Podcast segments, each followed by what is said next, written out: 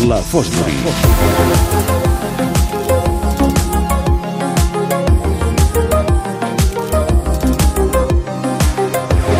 Arriba el club de la mitjanit, la Fosbury. Eh, queden 7 minuts perquè s'acabi el partit entre Paraguai i Jamaica. Continua guanyant Paraguai per un gol a 0 eh, i la cosa està doncs, a punt d'acabar.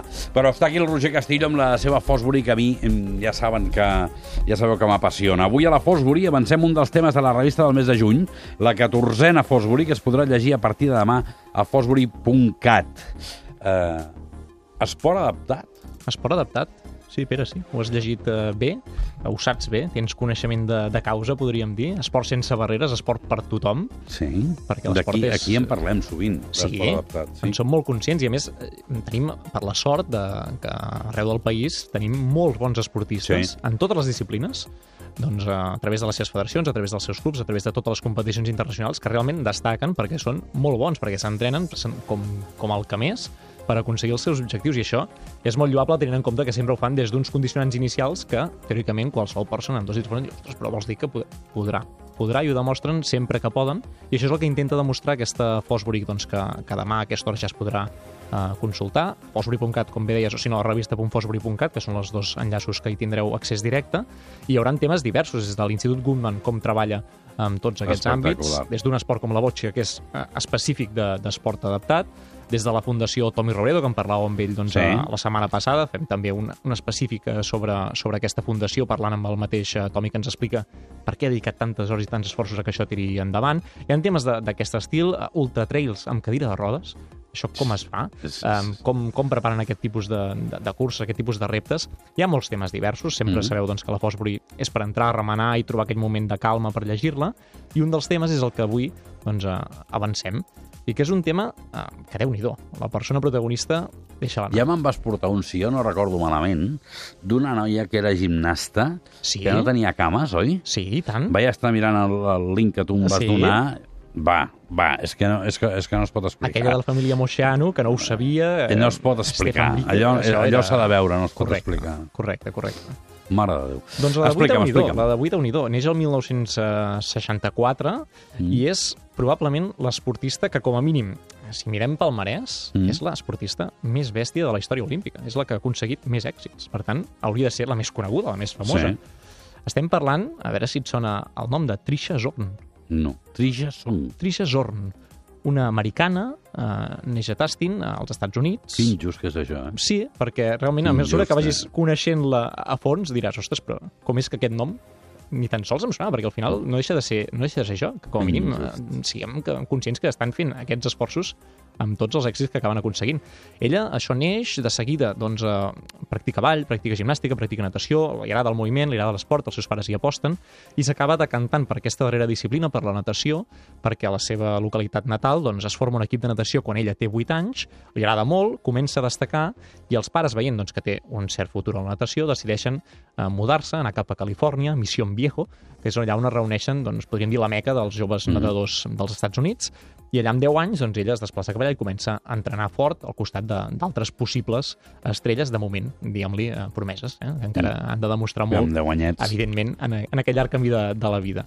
Ella, doncs, comença a competir i ho fa de tal manera que un dia aconsegueix una segona posició en una prova eh, de braça i es queda molt a prop del primer lloc i això capta l'atenció de nombroses eh, institucions d'educació superior que es comencen a fixar amb, amb ella, amb la senyora Zorn, amb aquesta noia prodigi.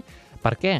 Amb un segon lloc es fixen en ella? Doncs evidentment perquè té d'entrada una malaltia que li impedeix doncs, rendir el 100%. Ella eh, va néixer amb una ceguesa que es diu aniridia, eh, que això el que, el que porta, diguéssim, segons eh, definició, és una absència congènita, doncs sigui total o parcial, eh, de l'iris. Ella tenia la visió limitada a 20 metres i de forma doncs, molt menys eh, raonable o molt menys lúcida del que puguin tenir altres, altres persones amb el, amb el 100% d'aquesta capacitat i amb l'iris, evidentment, eh, sencer. Per tant, ella, per exemple, quan nedava, el que deia és que si anava amb esquena, doncs sí que aconseguia distingir lleugerament les banderes doncs, de, de dalt i que si nedava, doncs, per exemple, amb estil lliure, veia una línia negra al fons de la piscina que li servia doncs, per guiar-se i per no doncs, equivocar-se de carril, mm -hmm. per Mhm. no xocar amb qualsevol altre, altre adversari. Per tant, amb uns condicionants... Justet, justet. Justet, justet. O sigui, pels pèls, però amb, aquest, amb aquesta capacitat o amb aquesta, amb aquesta visió, doncs ell era capaç d'anar a la piscina i aconseguir grans marques, de tal manera que se'n va cap a Nebraska, eh, allà doncs, hi farà doncs, tota la seva part d'educació superior. Ella va decidir-ho perquè li interessava estudiar educació espacial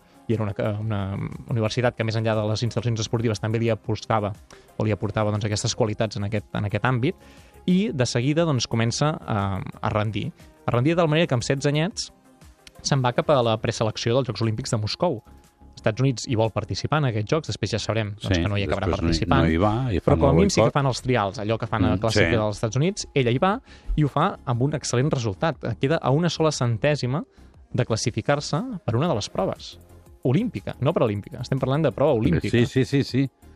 Amb aquesta mal regús o amb aquesta sensació d'haver competit amb els millors que segurament després eren capaços de guanyar medalles en aquests jocs, perquè estem parlant dels Estats Units, una gran potència en l'esport, doncs ella va veure de seguida que aquest boicot s'acabava produint, però que el boicot amb els Jocs Paralímpics no era tal. Per què? Perquè la URSS va dir que al seu país no hi havia discapacitats. Per tant, si no hi havia discapacitats, no tenien per què acollir una prova com aquesta.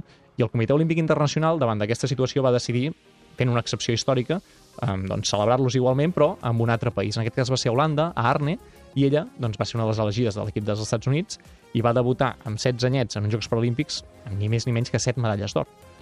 7 medalles d'or en natació, en disciplines molt diverses, sempre va triomfar en totes elles, és a dir, tant braça eh, com el clàssic crawl, però també papallona, també esquena, també en estils, també en proves de relleus. Va arrasar en tot arreu. En totes les disciplines va aconseguir medalles d'or a la seva història olímpica. medalles d'or. Marc Spitz. Sí, però és que després se'n va al 84, en aquell cas a Nova York, no a Los Angeles perquè els Paralímpics disputaven a Nova York, 10 medalles d'or, i, el, i a Seul 88, 12 medalles d'or, 12 proves en va participar, 12 victòries, Això ni, Phil, ni, ni, Ningú, ni ningú. Spitz, És que és ni Phelps, impossible. ni... ni, ni, ni... portava amb 3 Jocs Olímpics 29 medalles d'or. És que, és que és una bestiesa. I a més a més, fent-ho sempre amb aquesta obsessió, amb aquesta disciplina per l'estudi, perquè el 1987 es treia la carrera d'educació i d'educació especial. És a dir, ell havia anat eh, fent una carrera esportiva espectacular, però simultàniament doncs, començava a preparar el seu món laboral doncs, que havia de ser el de tota la vida. A partir de, les, de principis dels 90 va començar a ser mestre d'educació especial en una escola, quan els recursos i segurament doncs, la consideració social que es tenia respecte a aquesta disciplina era molt estem menor. parlant d'un altre planeta. Sí. Sí. Si és que avui encara és una consideració Sí. social eh, prou... Encara és prou menor. Exacte. Encara és prou menor que hauria de ser, doncs imaginem els anys 90.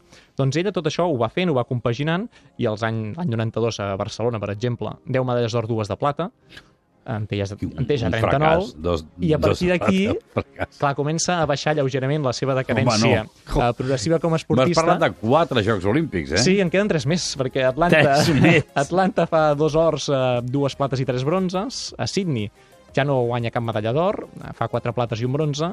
I finalment Atenes ja estava retirada de l'alta competició, va decidir participar en dues proves i en una va aconseguir el bronze. Amb set Jocs Olímpics consecutius, sempre al podi, Set Jocs 41 medalles d'or, 55 medalles olímpiques, en aquest cas paralímpiques, en total. Per tant, l'esportista més llorejada, sens dubte, de la història olímpica, de llarg, a més, i amb unes marques espectaculars. Va aconseguir fins a 8 rècords del món en diferents disciplines.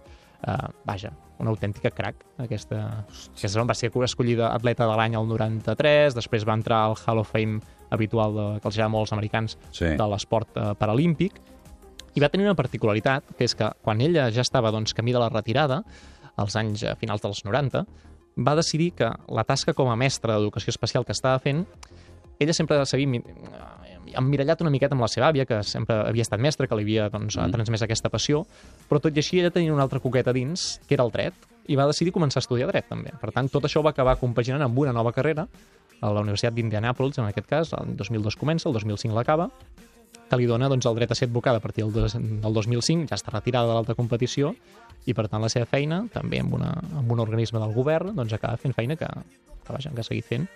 I per tant estem parlant d'una persona molt vàlida, amb moltes aptituds, que les ha demostrat al llarg de la seva trajectòria en molts moments.